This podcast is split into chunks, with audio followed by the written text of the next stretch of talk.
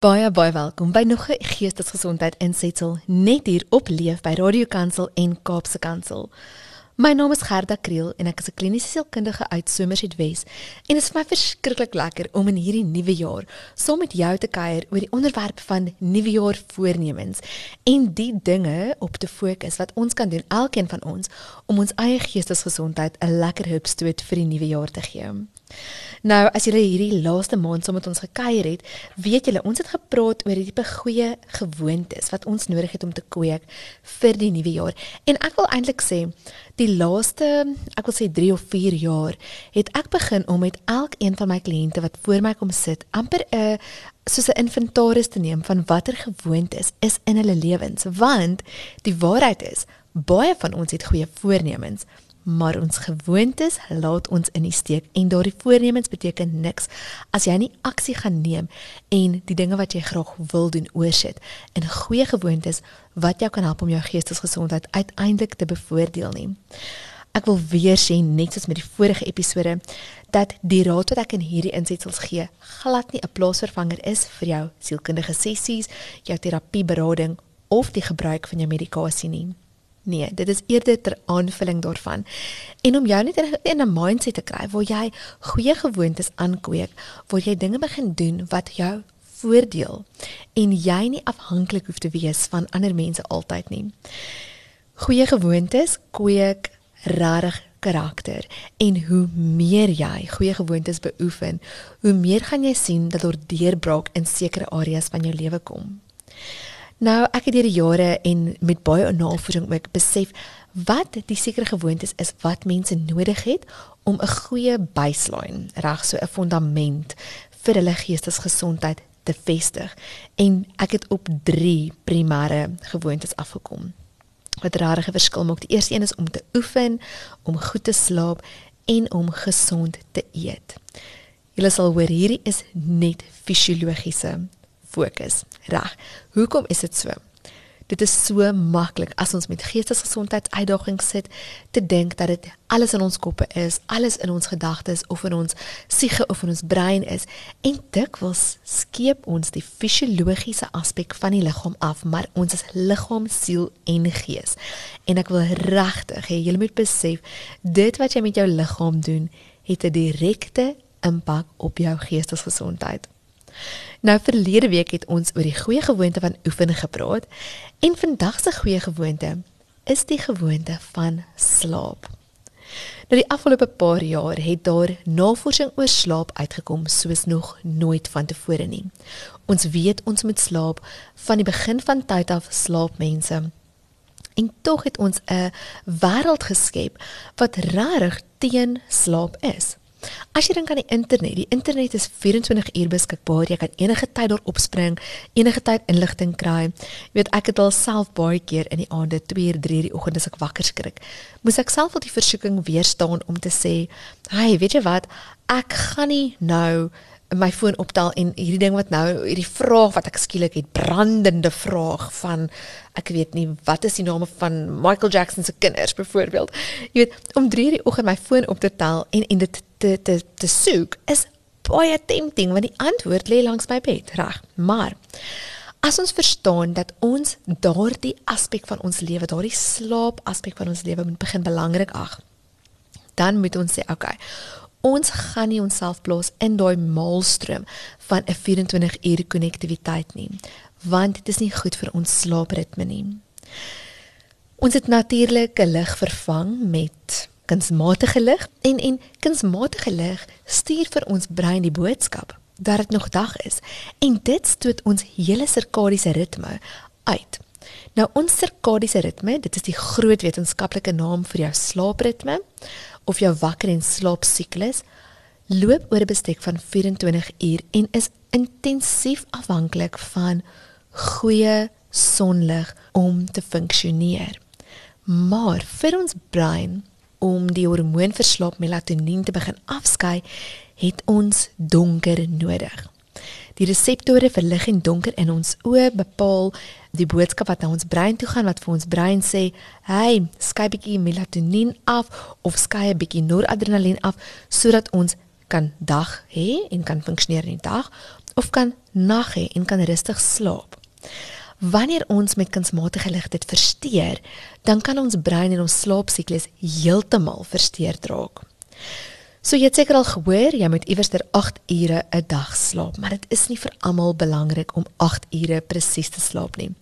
Ek wil regtig hê jy moet weet dat elke mens se slaapritme verskil. Niemand se lyk presies dieselfde nie.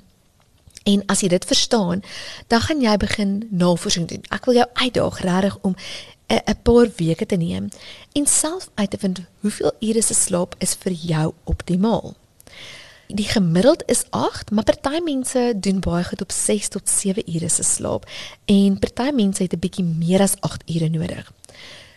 Begin vroeg in die bed klim, begin agterkom hoeveel ure werk vir jou. Hoe gaan jy dit weet? Wel, wanneer jy in die bed geklim het, goed geslaap het en natuurlik sonder 'n wekker wakker geword het en uitgerus voel, het jy genoeg slaap gekry. Want julle ek is nie blind vir die realiteit dat slaap 'n komplekse probleem of 'n komplekse lewensfaktor is nie. Behalwe vir die kunsmatige lig en die gedurende toegang tot die internet, is daar ander faktore wat ook jou slaap kan beïnvloed. Een van daardie faktore is slaapapnee en geweldig baie mense sukkel met slaapapnee. Nou as jy iemand is wat sukkel met snork of of asemnood of jy snork jouself in die aand wakker, is daar 'n kans dat jy aan slaapapnee ly en jy kan asseblief jou dokter daarvoor besoek. Slaapapnee is wanneer jou brein nie genoeg suurstof kry nie en die liggaam dink dat hy besig is om te versmoor en dan ruk hy jou wakker. Dit beteken dat jou brein nooit by daardie diep slaapgolwe uitkom wat jou brein eintlik nodig het om te herstel nie. So as jou slaap op daardie manier versteur word, het jy nodig om op 'n mediese intervensie hulp te kry sodat jou slaapkwaliteit kan verbeter. En ek wil eerlik sê, ek het al baie mense gesien, primêr mans wat met ernstige simptome van angs en depressie by my presenteer en wanneer ek hulle verwys na 'n oorneus en keel spesialis toe en hulle slaapapnee behandel word, verlig hulle simptome van angs en depressie geweldig. As jy geneig tot allergie, dieselfde ding gaan sien asseblief 'n dokter. Enige iets wat jou asemhaling gedurende jou slaap onderbreek, gaan vir jou liggaam die boodskap stuur dat daar 'n gevaar is en jou liggaam gaan wakker word want onthou, jou liggaam se primêre funksie is om jou aan die lewe te hou. Hoe kan 'n mens as jy nou geen mediese probleme het nie en jy het geen rede om nie te slaap nie, goeie slaap kweek, goeie slaapgewoontes. Nou, Ek hou daarvan om vir my kliënte slaaphigiëne aan te leer. Nou slaaphigiëne weer eens lyk like vir elke persoon 'n bietjie anders. Maar die primêre belangrikheid daarvan is is dat jy in 'n ritme val, 'n slaaptydroetine. En ek persoonlik glo en ek sien dit ook met myself en my kinders en met my kliënte dat jy ten minste 30 minute na 'n halfuur nodig het om 'n gesonde slaaproetine af te handel.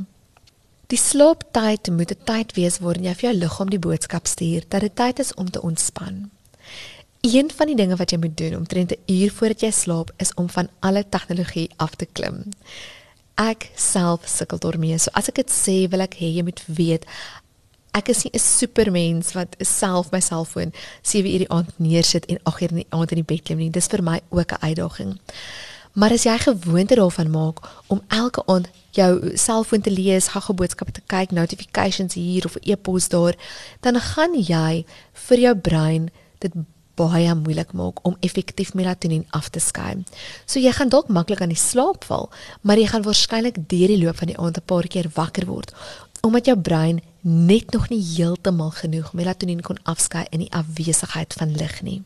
Wat jy wil doen is 'n uur voor slaaptyd kry vir jou 'n ritme. Sit jouself neer. Sit hom so lank op airplane mode as jy dit kan doen. Maak jou kamer donker. Begin om jou ligte as hulle blaas jou jou gloeilampe te vervang met gloeilampe wat warm lig afskei. Dit is so geelerige lig. Dis amper dit dit dit boots kerslig na.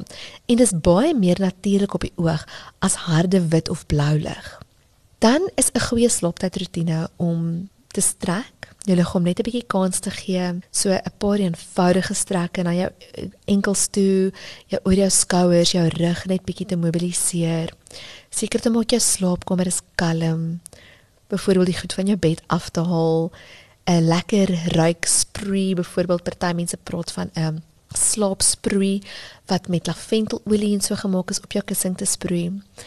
En om 'n omgewing te skep wat regtig goeie slaap kan bevorder.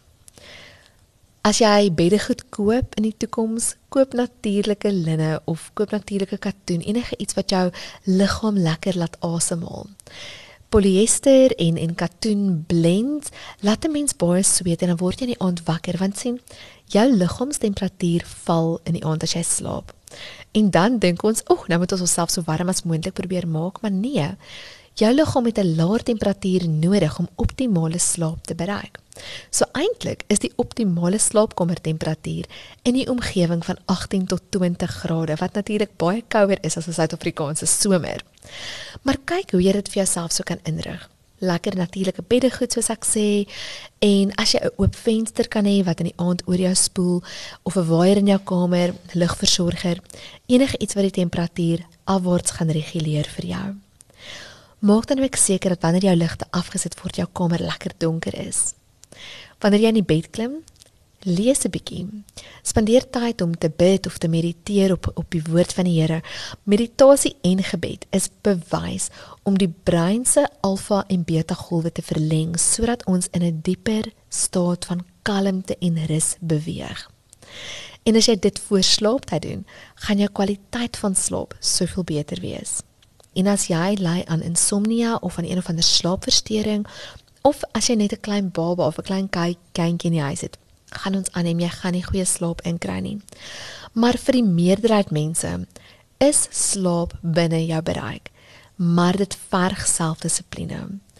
En as ons praat oor al hierdie gewoontes, wil ek amper sê dat selfdissipline sekerlik die heel belangrikste dissipline is vir ons om aan te kweek, die heel belangrikste gewoonte om aan te kweek. Ek wil julle uitdaag om in die volgende week 'n verandering aan jou slaapritme te bring. Kyk wat werk vir jou. Weet dit vir almal anders lyk, like, maar 'n paar basiese beginsels is 'n koel kamer, 'n donker kamer en dan natuurlik ook 'n lekker warm bad of stort voordat jy gaan slaap. Warm bad en stort help die liggaam serotonien af te skei en gee vir die liggaam die boodskap dat dit nou tyd is om te begin ontspan. Laat weet gerus vir ons watter van hierdie strategieë jy implementeer het in die volgende week om jou slaapritme beter te kry. En let 'n bietjie op hoe dit met jou geestesgesondheid gaan wanneer jy beter slaap. Ek kuier volgende week saam met julle oor die onderwerp van beter eet vir jou geestesgesondheid. En ek sien geweldig uit om te hoor hoe julle hierdie gewoontes in julle eie lewens inkorporeer het. My naam is Gerda Kriel en ek kuier weer volgende week saam met jou net hier op Radio Kansel in Kaapse Kansel. Totsiens.